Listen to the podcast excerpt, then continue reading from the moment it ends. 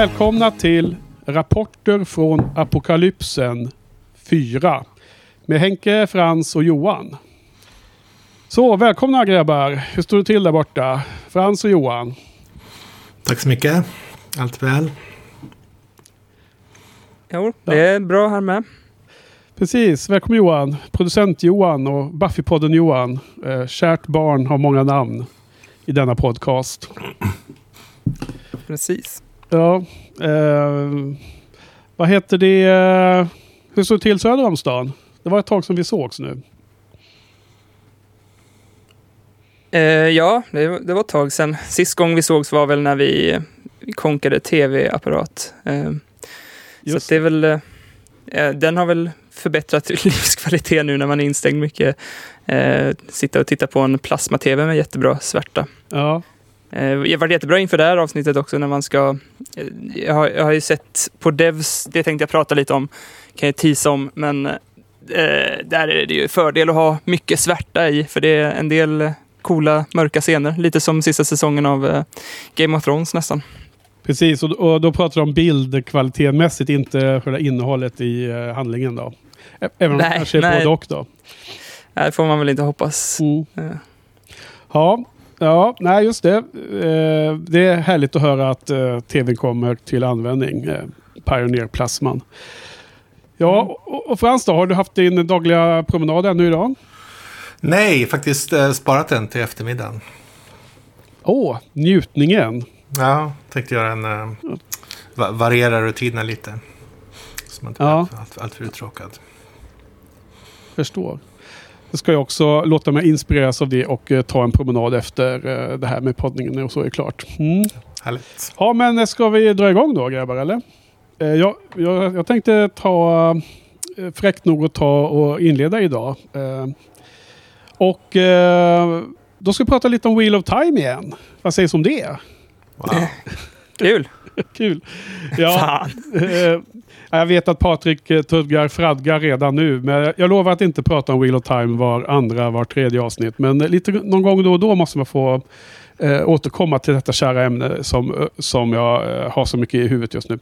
Eh, nej, men först och främst så har jag ju läst klart sjätte boken då eh, i min reread. Och Eh, det är så eh, lustigt att, att läsa om en bokserie för att då får man den här lyxen att kunna beakta eh, strukturerna och så mycket mer än när man läser det för första gången eftersom första gången så är man så himla fokuserad på handlingen och man vill bara veta vad som ska hända och man kanske inte lägger så mycket energi på att fundera på hur den är skriven och vad som är bra och dåligt och så.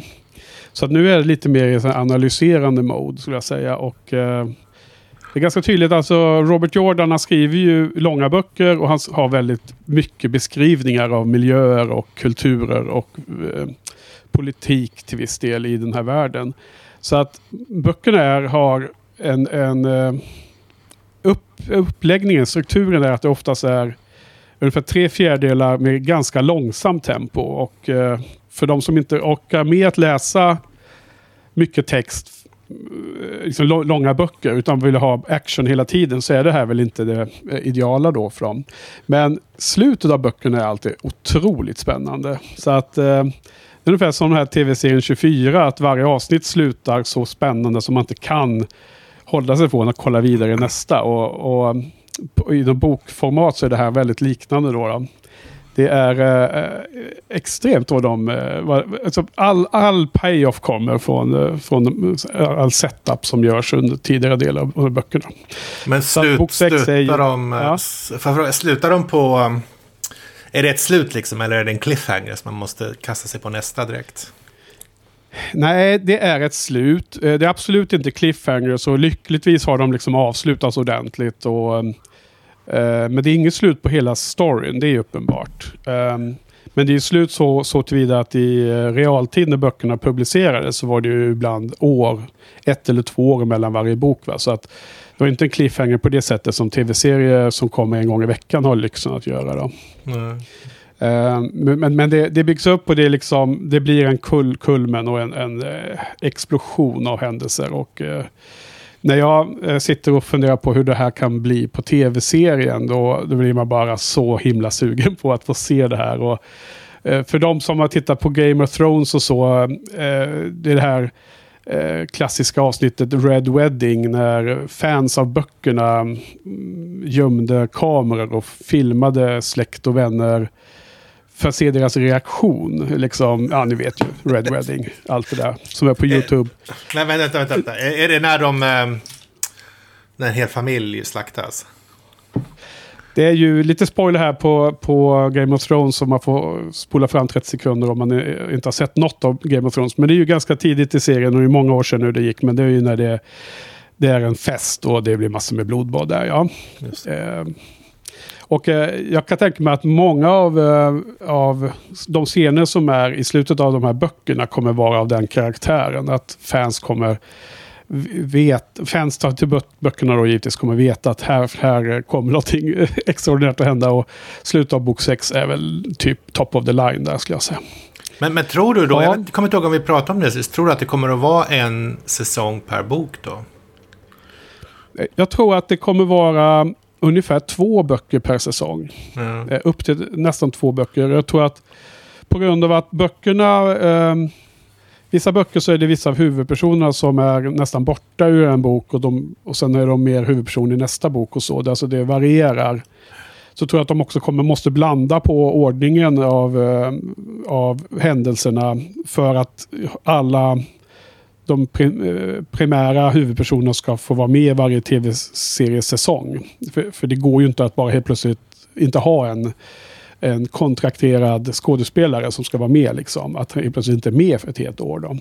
Nej, är det en typ fantasy-trope att det är så? För lite så känns det som att det var Game of Thrones också. Att eh, ja, vissa karaktärer var inte ens med vissa säsonger. Ja, precis. Ja, men jag, jag, vet inte om det är en trope, men det är uppenbart att det här eh, det har blivit så. Och i Game of Thrones så var det ju väl böcker som gick helt parallellt i tiden har jag förstått. Så är det ju inte riktigt i, i uh, Wheel of Time, men däremot så så är det liksom eh, i praktiken att eh, ja, en, en är, liksom inte med helt plötsligt på länge och sådär.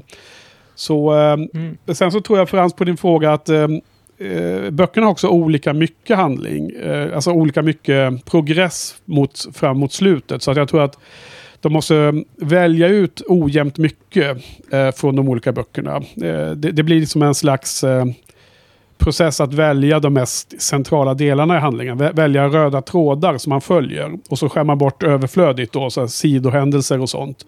Och vissa böcker kanske har lite mer av de sidohändelserna och lite mindre av den riktiga röda tråden som leder fram mot det som händer i sista boken. Ja. Och där tror jag också att det kommer göra att det blir en obalans då. Så att eh, hur många eh, säsonger det nu än blir så kommer man liksom kanske ibland ha en, en bok för en säsong, men ibland kanske två böcker då, som jag var inne på. Så, eh, så det var för min del, eh, läs klart sexan och jag ska börja med sjuan alldeles strax. Men eh, anledningen till att, egentligen till att jag ville prata om, om Wheel of Time är att de har ju en eh, Jordan Con varje år. En eh, convention i Atlanta. Precis som det finns för massor med olika, alltså Comic Con är ju den stora kända i, i San Diego. Och så finns det olika eh, conventions i olika ämnen. Och eh, Jordan Con är ju förstås som Wheel of Time. Det är väl hans... Eh, ja, han har skrivit några fler böcker, men det är Wheel of Time han är känd för. Och i år så blev det ju inställt då, på grund av Corona. Eh, och den skulle hållits i helgen. Så istället då igår kväll så såg jag lyckligtvis på Twitter precis innan det drog igång. För nu, har de, nu har de en virtuell Jordan Con. Så att hon Jennifer som är eh, chefen för hela convention har eh, arrangerat sig en massa olika saker som hände på under helgen. Och de sände då en, eh, en, eh, som en panel, fast virtuellt istället. Så att det, var, det sändes live på deras hemsida och på YouTube. Och det var alltså så här Zoom, eh, med Zoom, eh, eh, vad heter det, applikationen då. Där man såg fem stycken personer som satt hemma i sina hem och eh, deltog i den här eh, panelen då och skulle diskutera. Och det är klart att nu är det ju väldigt mycket fokus på tv-serien. Och sen helt plötsligt säger de att de har en hemlig gäst och så kommer ett sjätte fönster upp och då är det ju showrunnern Rafe Judkins som har, som har bjudits in. Så att jag satt där igår kväll vid nio tiden eh, här på svensk tid då, och kollade på det live. Och det var helt fantastiskt kul och han var med och svarade på massor frågor. Och försökte slingra sig och sen han inte riktigt kunde svara då. För han, han, hade ju liksom, han kunde inte svara på allt men han svarade på väldigt mycket skulle jag säga. Och jag tycker det är så himla festligt att han har den här inställningen och interagerar med fan-communityn på det här sättet. Jag älskar det. och eh, det känns som att det blir bara en positiv vibe runt det här, det här sättet att hantera detta. Då, då. Um, och bland annat då så fråg... Ja, ja. Var, var hon, hon som har läst den här bokserien 30 gånger om och om igen? Ja. Var hon med Sarah. i den här Mm. de- debatten? Nej, alltså hon var inte med själv, men jag gissar ju att det var hon som hade sett till att det här eh, fixades då. För att hon är väldigt tydligt, hon har varit med i den här Jordancon i alla år. Och hon var ju med då på chatten på sidan som en av alla, alla andra tittarna då, så kan man ju chatta på sidan då. Och ehm, eh, folk skrev in frågor och kommentarer. Hon, hon höll på och var väldigt aktiv där då, då och jättenöjd att allting hade blivit så här bra. Eh, med att han dök upp som gäst och så där. Så jag, jag gissar ju att eftersom hon jobbar med honom så supernära så hade hon väl bara snackat med honom och bett han vara med. Så att det, det var nog ingen, ingen hemlis om hur det hade gått till. Men att, eh, att han bara ställer upp och gör det är jättefantastiskt. Och han svarar bland annat på frågan vad, vad han trodde att den här med eh, stoppet i inspelningarna inneburit. Liksom det här med, med coronakrisen och att de var tvungna att åka hem ifrån Tjeckien och sådär. Och då så sa han att eh, nu tar de ju chansen att skriva liksom manus då. Så att eh, redan innan de kommer börja med säsong två, redan innan de börjar med eh, liksom leta efter sajter och spela in och innan de börjar eh, liksom göra kostymer och allt sånt där så kommer de att ha hela säsongens manus klart då. Det blir som en effekt av att man inte behöver jobba parallellt på alla spår samtidigt. Så då får man väl se silver lining, liten fördel. Vilket fall då Johan, så då skrev jag in en fråga ifrån eh, eh, tittarna. Jag var en av tittarna. Så jag skrev in eh, din, eh, din kommentar, där, din fråga från Shinypodden.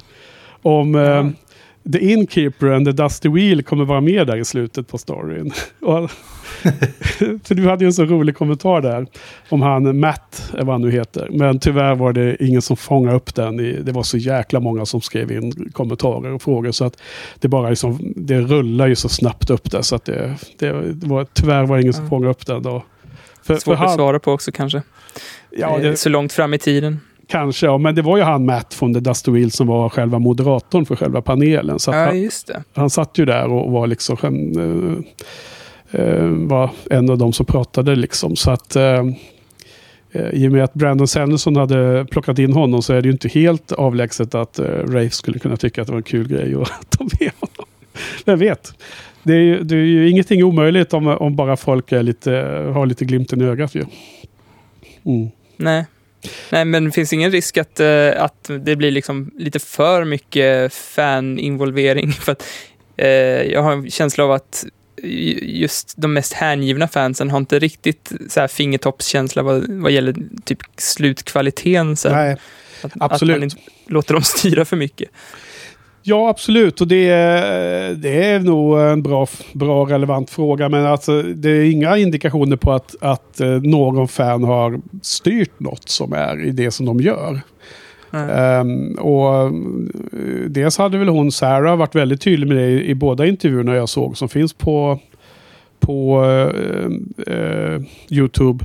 Sagt att hon liksom till och med ens inte ville säga vad hon tyckte. Utan hon ville bara svara på vad som står i böckerna. Hon vill bara Mm. vara rösten som säger det här står i kanon. Det här står i böckerna, i, i texterna. Ja, det kändes väldigt bra när du sa det faktiskt. För Mm. jag kände så här, ja men nu, nu är det lite för mycket fans involverade i den här tycker Ja. jag. Men det det är ju alltid fint när de eh, är jag har börjat kolla om på community nu till exempel och då har jag börjat kolla på massa YouTube-videos med eh, Dan Harmon när han sitter och liksom pratar om hela processen och även Breaking Bad hade ju någon podcast där de pratar om hur de skriver och sådär. Ja. Eh, tycker det är ashärligt att de bjuder på det och, och roligt att se bakom kulisserna på, Ja. på sådana stora shower som man älskar. Ja, jag, jag, jag tror att det, det, det som känns... Varför jag tycker det är så härligt är för dels att jag är svältföljd på nyheter om det och man tycker det är kul att, att höra det här. Eh, för att liksom det hålls vid liv, intresset runt eh, tv-serien hålls vid liv eh, på det sättet. Men jag tycker också att det är viktigt att liksom Amazon Prime ser att den här satsningen funkar och så. Att, att det är en, ett sätt att hjälpa till att uh, serien får fortsätta. Så att säga. Jag menar, I slutändan är det ju hur, hur, bra den går sen när den väl visas på tv. Självklart. Mm. Men det är ingen nackdel att det har blivit en, liksom en stor uh, internet community, community runt det här och fansen är, är liksom finns där. Jag menar, det, det, kan ju inte vara någon nackdel i alla fall. Så att jag tycker Absolut. att det är fördel att, eh, att han, eh, showrunnern, känner till att det finns ett engagemang bland mm. publiken. Liksom. Hoppas att det inte blir så som det var med Firefly, bara att de lutar sig helt och hållet mot fansen och skiter i marknadsföringen sen bara. Ja, nej precis. Och, och det var ganska många som sa det också i kommentarerna, att man, man, man, man litar på att Amazon Prime tar rätt beslut. För att det var faktiskt en fråga som kom upp där om, om de skulle uh, släppa hela serie, säsong ett om åtta avsnitt i en, en, uh, ett släpp. Eller om de skulle visa den en gång per vecka, så som Game of Thrones. Så, mm. Och det får vi verkligen hoppas att Amazon vet vad de uh, vill med detta. För jag menar, ja. jag menar um, The Witcher släpptes ju alla avsnitt i ett eh, på en dag. Och även Stranger Things säsong 3 gjorde ju det, Netflix. Men där försvann den lite i, i, i floden av nya serier och det var inte så många som pratade om Stranger Things länge. Och The Witcher var ju lite mer uppmärksammad. Men både Game of Thrones förra året och The Mandalorian, som gick en gång i veckan, de, de dominerar ju diskussionen mm. under ganska lång tid. Minst den, den tiden, alltså runt två månader, två, två och en halv månad som det tog att visa hela serien då, exempelvis i Game of Thrones. Så att personligen är jag ju övertygad om att det är bättre att släppa avsnitten en gång i veckan och låta ja. liksom eh, fans och podcast och bloggar och all, alla liksom hänga med och behandla avsnitt per avsnitt liksom och, och föra diskussionen och, och sprida det på det sättet. Liksom. Ja, verkligen.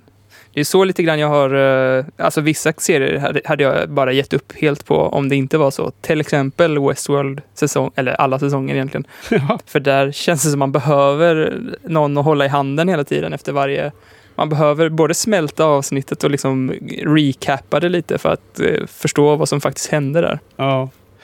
Ja, nej, men så det var lite av eh, veckans, eller dagens eh, Wheel of Time-info då. Så att, eh, men du, du, du tänkte också snacka lite om tv-serier va? Eller Johan, eller vad var det? Mm, precis. På, på, tal om, eh, om Game of Thrones, eller vad säger jag, på tal om Westworld så, var, så är det den och eh, Devs som jag har eh, nördat in mig lite på nu. Precis för 20 minuter sedan, eller en halvtimme sedan, sett klart på Devs, eh, sista avsnittet av Devs. Oklart om det kommer någon mer säsong. För mig känns det som att det hade varit, varit perfekt sista avsnitt på allting. Jag skulle nog inte vilja att det kommer fler avsnitt där. Aha. Men eh, sättet som jag sett de två serierna på i och för sig är väldigt olika för att Westworld följer jag ju med i en podcast och ser varje, efter varje avsnitt så lyssnar jag på en podcast och eh, eh, liksom behandlar avsnittet eh, i huvudet en gång till innan jag ser på nästa avsnitt. Medan i Devs så har jag bara sett dem så fort de kommit ut och sen eh, har jag liksom inte tänkt något mer på det förrän nästa gång eh, det kommer ett nytt avsnitt. Och eh, de två serierna är rätt coola. Alltså de behandlar lite samma ämnen. Eh, okay. Framförallt sådana här deterministiskt, eh, sådana teorier, deterministiska teorier. Mm. Och eh, där eh, Devs eh, ibland, alltså de håller den väldigt mycket i handen och det, eh, man får allting förklarat för sig väldigt noggrant. Ibland så blir det lite väl mycket till och med när de ska ha en stor sån här um, dump av exposition eh, mitt i alltihopa. Eh, Medan i Westworld är det precis tvärtom, att de ska förklara krångliga ämnen genom att krångla till det ännu mer så man inte fattar någonting. Liksom. Ja. Eh, det, det, det, ska bara vara så krångligt som möjligt. Ja, alltså jag har ju eh, sett eh, två säsonger av Westworld och har tredje säsongen kvar. Eh, Frans, du har också sett Westworld va? Just det. Två säsonger. Jag har sett två säsonger. I den tredje säsongen, jag sparar, tänkte spara den tills den... jag tänkte göra tvärtom faktiskt. Spara den tills den hade kommit. Ja. Hur, hur långt har den kommit? Mm. Det är väl ett avsnitt kvar tror jag. Okay.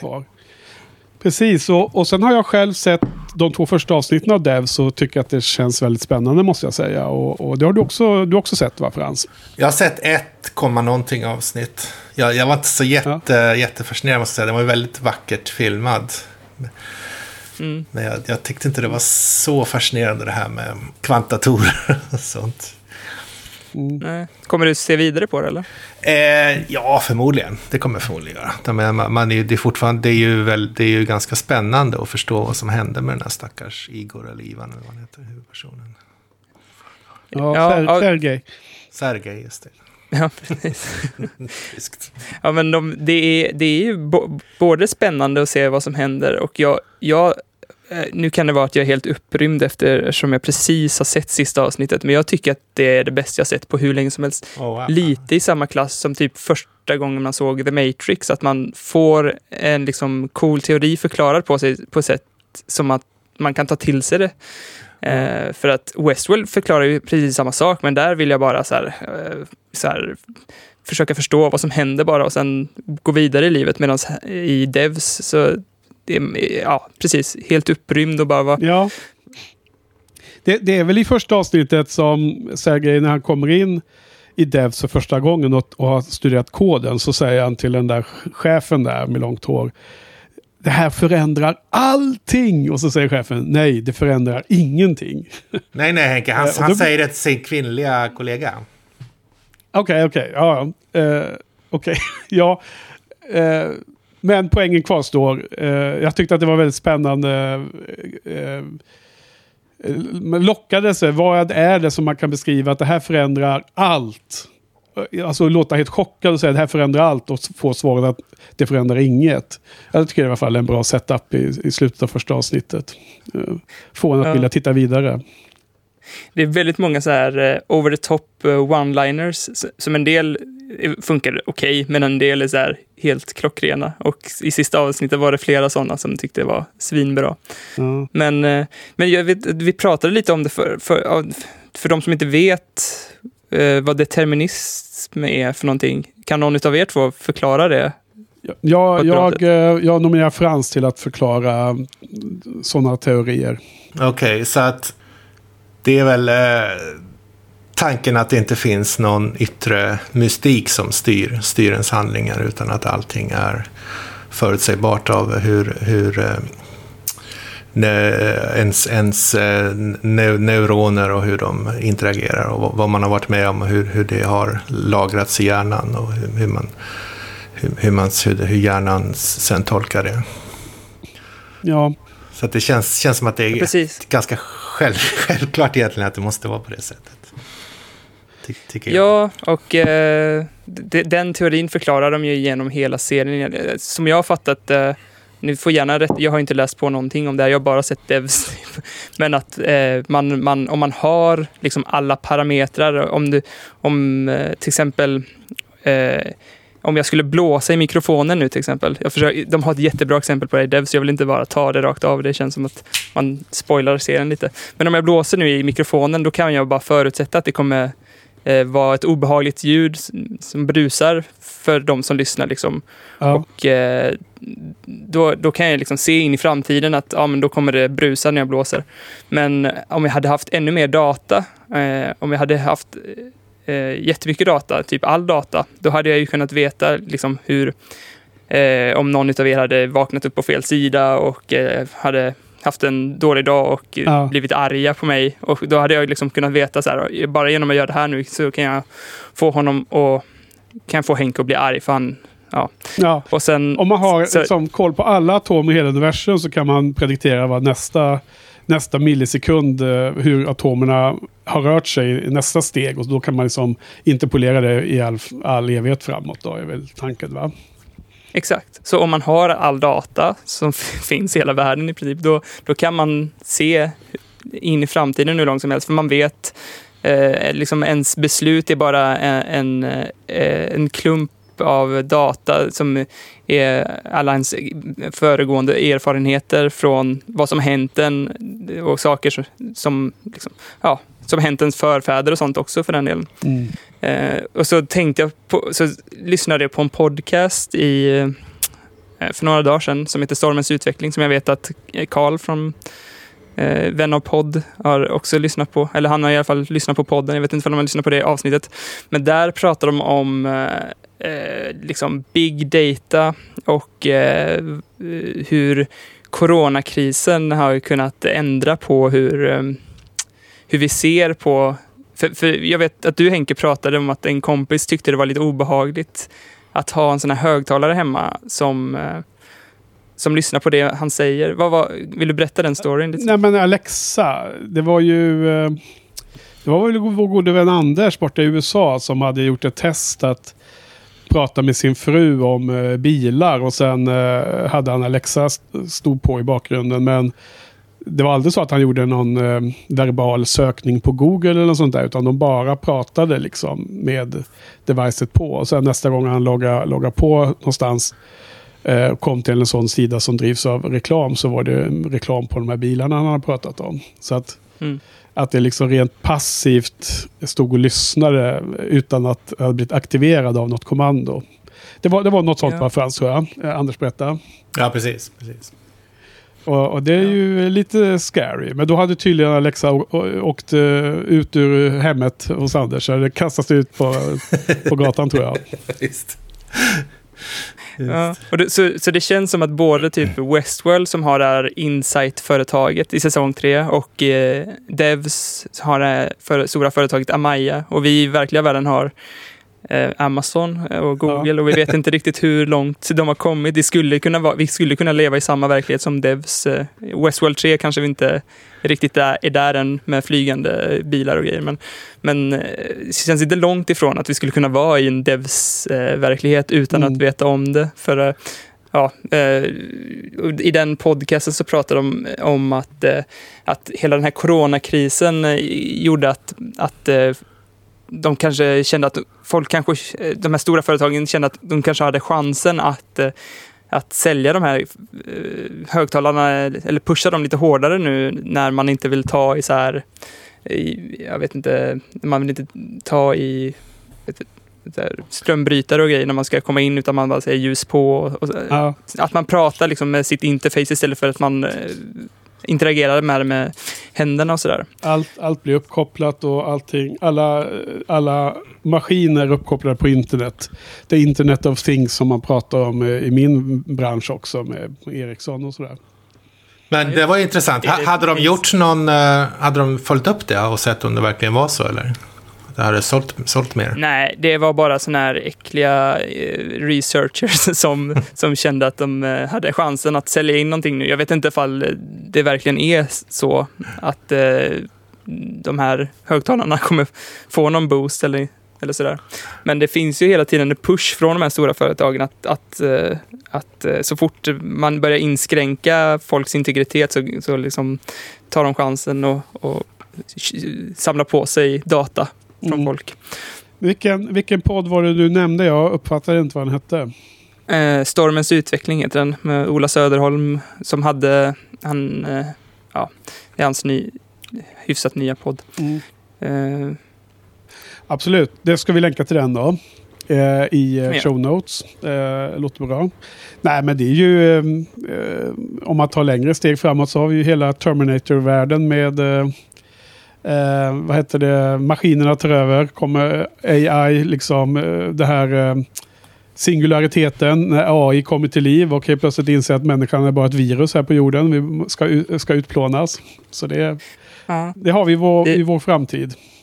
Alltså- ja, det är ju lite annan dystopi än, eh, än eh, i Westworld och i Devs. Där, eh, där eh, alltså, jag- följer ju den här podcasten eh, som Joanna Robinson och David Chen har om Westworld.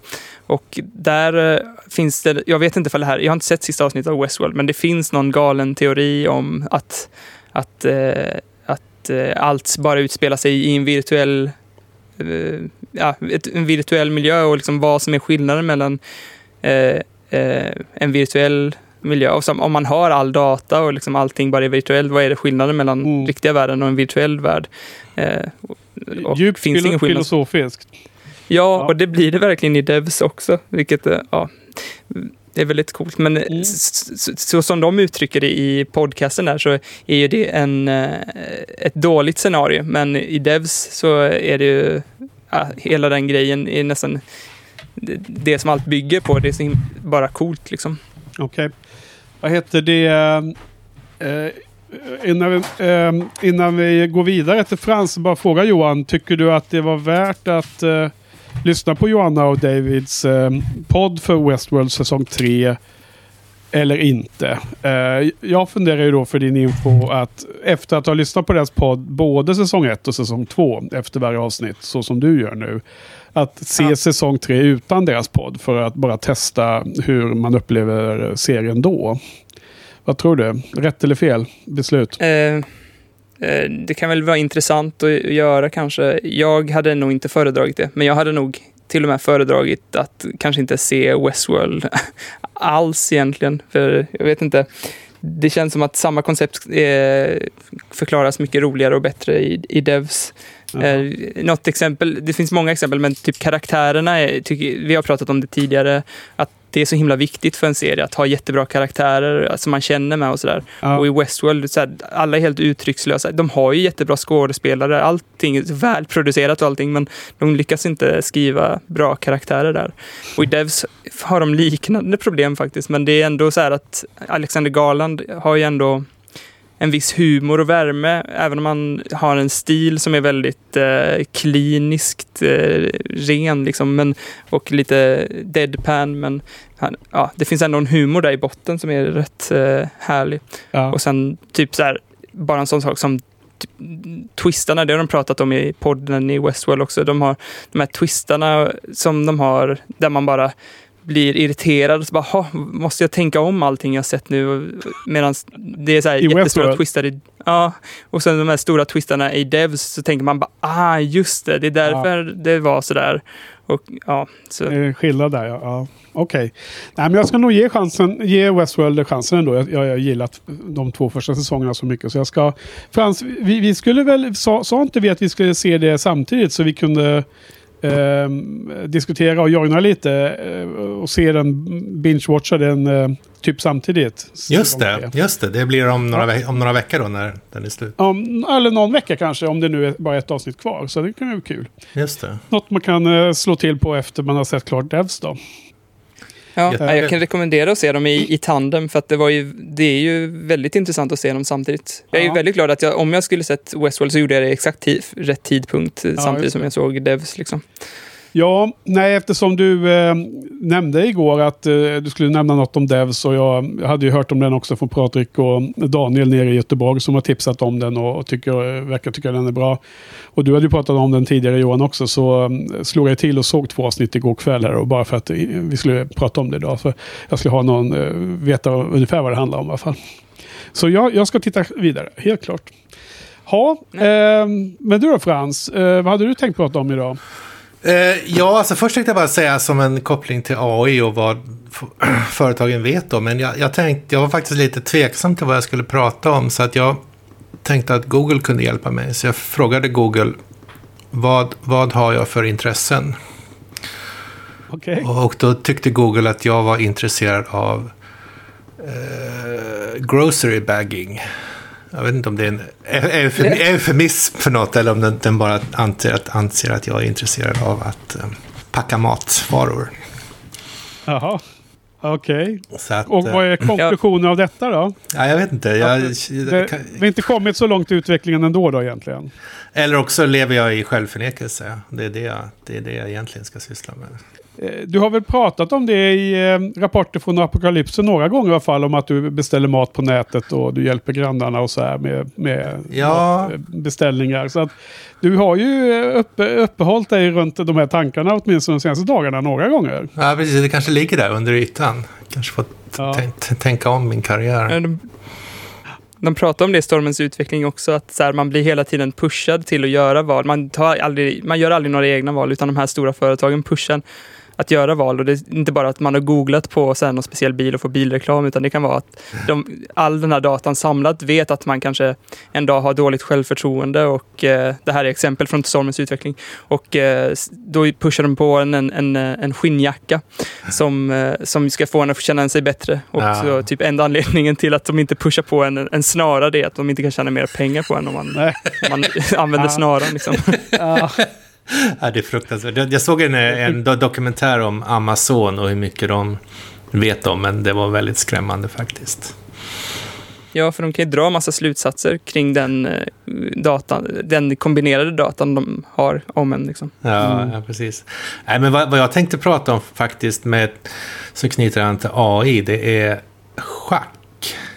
För att eh, schack har ju spelats i många, många hundra år och fram till helt nyligen så har det liksom, eh, mänskligheten har via teorier, analyser, trial and error kommit fram till de, de, vad vad man tror är de rätta strategierna. Man har liksom vissa öppningsmönster som man eh, som han har analyserat i detalj och kommit fram till att så här ska man nog spela schack. Man ska ställa pjäserna i centrum, eller man ska i alla fall ställa pjäserna så att de pekar mot centrum och tornen ska ha fritt, fritt rum längs rader och kolumner och eh, hästarna ska ha ut, utposter nära mitten där de inte kan bli bort, som de inte kan bli bortkörda ifrån och så. Men, men för något år sedan så kom ju det här Alpha Zero, alltså ett AI-projekt från Google. De hade ju, eh, det började med AlphaGo som var en, ett, ett AI som eh, bara lärde sig reglerna för Go och sen slog någon, jag vet, kommer inte ihåg om det var världsmästaren eller om det var Europamästaren, men de slog någon väldigt eh, avancerad spelare. Ja, det är något kinesiskt spel, va? Något brädspel. Precis, och sen gjorde de samma sak med schack då, att de, de, de gav den här, det här AI, reglerna för schack, ingenting mer, ingen som helst kunskap eller liksom mänsklig erfarenhet, bara reglerna. Och så fick den spela 700 000 partier mot sig själv under några timmar. Och sen så fick den då spela mot den bästa konventionella schackdatorn. Och konventionella schackdatorer, de är programmerade med mänskliga, efter mänsklig erfarenhet. Så de, de, de, de räknar några drag, han går dit, jag går dit, han går dit, jag går dit. Och sen så värderar de den ställningen som uppstår med hur mycket kontroll man har över centrum, vem som har mest pjäser eller bunder, om tornen har bra fritt synfält, om hästarna står bra och så vidare. och så vidare. Alltså traditionella mänskliga vä- värderingsmetoder. Men den här, det här AI då som bara hade lärt sig från att kunna reglerna fullkomligt krossade den här konventionella datorn. Först spelade de en match på 100 partier där AI vann 28 partier med 72 remier. Och sen spelade de ett till match med 1000 partier där AI vann 155, förlorade 6 och 839 remier. Men, men det som var fascinerande med det här, när man studerar hur AI spelar, vilka, hur den spelar i öppningen, var den ställer pjäserna och så, så spelar den helt normala mänskliga öppningar, alltså de öppningarna som eh, de, de bäst i världen och även klubbspelare har, har spelat i alla år. Så den har kommit till precis samma slutsatser som, som mänskligheten. Men, men, men människorna har ju också spelat eh, 700 000 partier och mer. Ja, precis. Men jag tycker det ändå det är en otrolig... Jag tycker det är helt fascinerande. Men en annan sak som är fascinerande är att när man...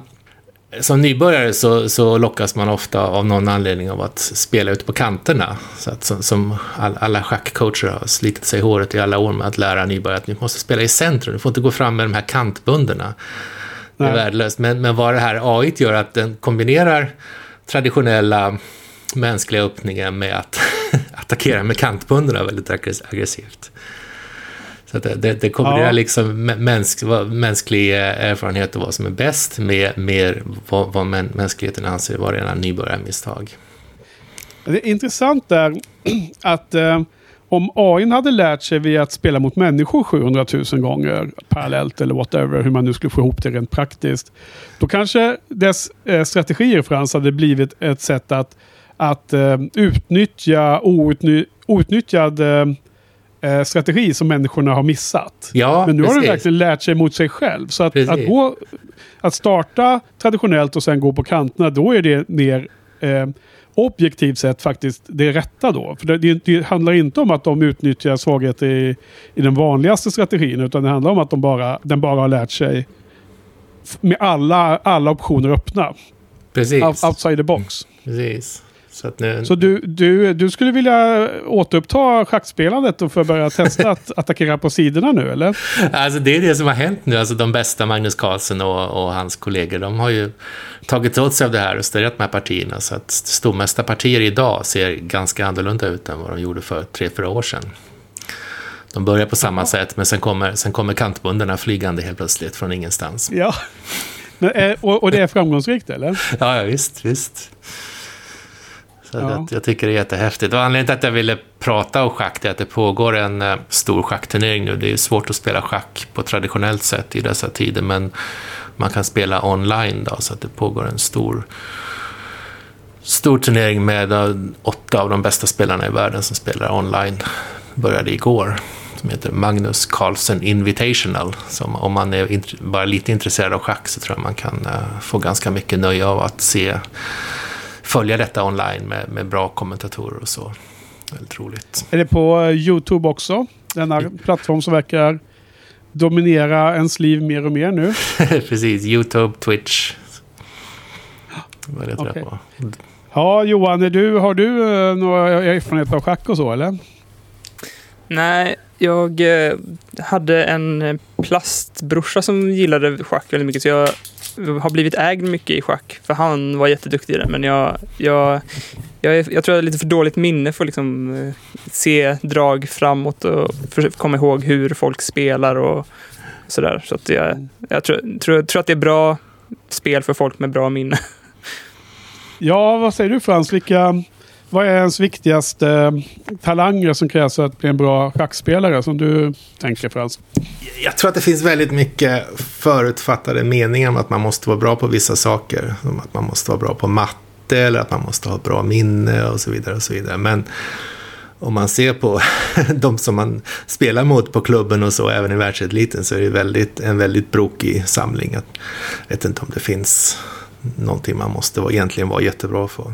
Det alltså, vissa säger kanske att man måste ha någon, någon mån av mönsterigenkänning. Att man liksom känner igen att när pjäserna står i det här mönstret så, så, så, kan, så, så har det tidigare varit eh, fördelaktigt att eh, ha en sån här strategi. Den, den typen av, av, av mönsterigenkänning. Men jag menar, ja, på ytan ja, massor med olika folk. Men det, det, förstår, det förstår man ju att det kan finnas allt ifrån Alltså från alla samhällsklasser och alla olika typer av eh, faser i livet. Men jag menar, det man hör om är liksom när eh, folk som sitter och spelar schack och det, det är inte sån här blixtschack då, utan man sitter och har sin tid på sig. Så kan man sitta i tre timmar och tänka ut alla varianter. Och om man går om man gör en viss attack med x antal steg framåt i tiden och sen försöker tänka ut alla möjliga svar som motståndaren kan göra. Då är det ju då är det någon form av, av eh, mental kapacitet som, som det handlar om ändå. Kunna hålla alla dem i huvudet och kunna värdera dem mot varandra. Ja, men samtidigt är det väldigt sällan man, man tänker på det sättet. Utan det är oftare liksom att man intuitivt vet att hästen ska stå på den rutan. Så man försöker manövrera den dit och sådär. Men eh, vad, vad konstigt för att eh, jag spelar ju inte schack och har ju aldrig gjort det mer än en prövat någon enstaka gång. Men jag har aldrig blivit fångad av det. Men vi spelar ju bridge ihop du och jag Frans. Under många år. Och jag, menar, jag har alltid spelat bridge intuitivt. Så som du beskriver nu. Men jag har en känsla av att du spelar bridge på ett helt annorlunda sätt än mig. Där du verkligen räknar ut och vet, vet koncept och vet eh, eh, statistik och sannolikhetsteorin bakom olika grepp. Och bridge och schack är ju ganska liknande på många sätt tror jag. I, eh, vad, vad, vad man behöver kunna, hur man ska tänka för att bli bra. Ja, det finns, det finns ju alltid lägen när man måste kanske räkna några drag framåt. Att jag går dit, han går dit, jag går dit. Och man måste klara upp det. Men det, det tror jag man kan träna upp. Jag tror inte att man behöver ha någon speciell talang för att vara bra på det. Det är någonting man kan träna på. Nej. Men jag tror att, det, där med att man måste ha en bra minneskapacitet för att klara av den här typen av saker. Eller? Ja, kanske. Jag, vet, jag, jag tycker det är synd om, om man, om man eh, inte, inte börjar spela schack eller slutar spela schack för att man tror att man måste ha exceptionellt bra minne. För jag, jag tror inte att man behöver Ja. det egentligen. Men det är väl mest om man, om man ska bli bäst som man måste ha det. Jag, jag vet, jag brukar spela ett något spel som heter Patchwork med min flickvän på kvällarna. Ja. Och det är otroligt enkelt. Mycket enklare än schack eller något annat. Det är bara man ska gå med en, med en plutt eh, på ett bräde och så för varje gång man passerar en knapp så får man så många, eh, ett antal knappar. Och, ja, det, eh, väldigt förenklat. Men där tänker jag i alla fall så som jag tror att schackspelare tänker, att man har ett antal, kanske tre, fyra drag framåt i tanken för att, och sen börjar det bli för, spreta ut i för många håll för att man ska kunna greppa liksom, hur man ska gå framåt. Men så tänker jag att schack är det fast 15 resor värre. Men eh, det är inte så som att jag skulle skita i att spela schack bara för att nej, jag har ingen bra minne, utan det är bara så här att eh, om man ska bli riktigt bra så behöver man kunna hålla alla de här parametrarna i huvudet samtidigt. Jag har ju en god vän, eh, Ola, som eh, berättade om hans son som är typ 13 ungefär, som är duktig på schack och håller på med det mycket och är jätteintresserad av schack. Då. Och hur han kunde ha berättat om någon gång när eh, sonen hade haft en, ett schackproblem, en ställning som man satt och analyserade i tre timmar. Och bara tänkte på vilket drag han skulle göra. Och sen efter tre timmar så hade han löst det. Och så var han jättenöjd med det. Det var liksom en, en, god, en god eftermiddag. eh, och det, det ställer saker på sitt huvud lite där jämfört med, med ja. Eh, så viss, viss minne slash eh, kapacitet att tänka i den här i de här olika alternativa scenarierna eller vad man ska beskriva. Alla olika de här förgren, den här vägen som förgrenas hela tiden i minst två alternativ. Liksom. Och, det, och räkna ut hela det trädet, vilket som är bäst. Det, det, det är den bilden jag har av, av vad som krävs för att bli excellent i schack i alla fall. Ja, jag, vet inte, jag minns, minns ju när man spelade, innan, innan det fanns bra datorer kunde man ju spela passschack via post. Man skickade ett vykort, ja. vykort med sitt drag till någon spelare någonstans i världen och sen någon vecka senare fick man hans drag som svar. Så partierna kunde vara ja. i många, många år och då, då kunde man ju fundera på drag i flera dagar. Man ja. pendlade till jobbet och så satt man på bussen och funderade på hur man skulle göra. Precis. Och sen har man ju de här som går runt och spelar blindschack och spelar mot 20 spelare samtidigt och sånt där. Men då har de alla de partierna parallellt i huvudet utan att få se det någon gång. Så att man måste, man måste, om man är duktig på schack så gissar jag att man har någon form av sätt att komma ihåg schackställningar. Det är som ett, eh, en viss kapacitet som hjärnan har. Liksom. Precis som du vet, man kan, man kan liksom komma ihåg bridgehänder efter en kväll man spelat eh, 32 händer eller 28 eller vad det nu var. Och sen så kommer man ihåg vissa ställningar exakt ändå. Ja, och, och du var ju väldigt duktig på det Frans. Mycket bättre än vad jag var. Så, så att det är ju någon skillnad där alltså. Hur, hur hjärnan har fungerat och så. Nej, det kanske är någonting man tränar ja. upp. Alltså för mig är det helt obegripligt att man kan spela blind, blindschack med mer än en person samtidigt.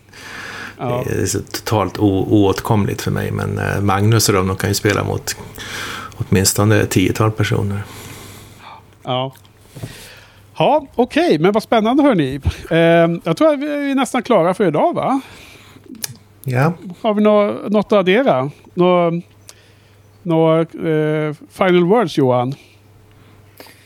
Eh, nej, nej. tror inte det. Det var roligt att vara med. Ja, kul att du var med.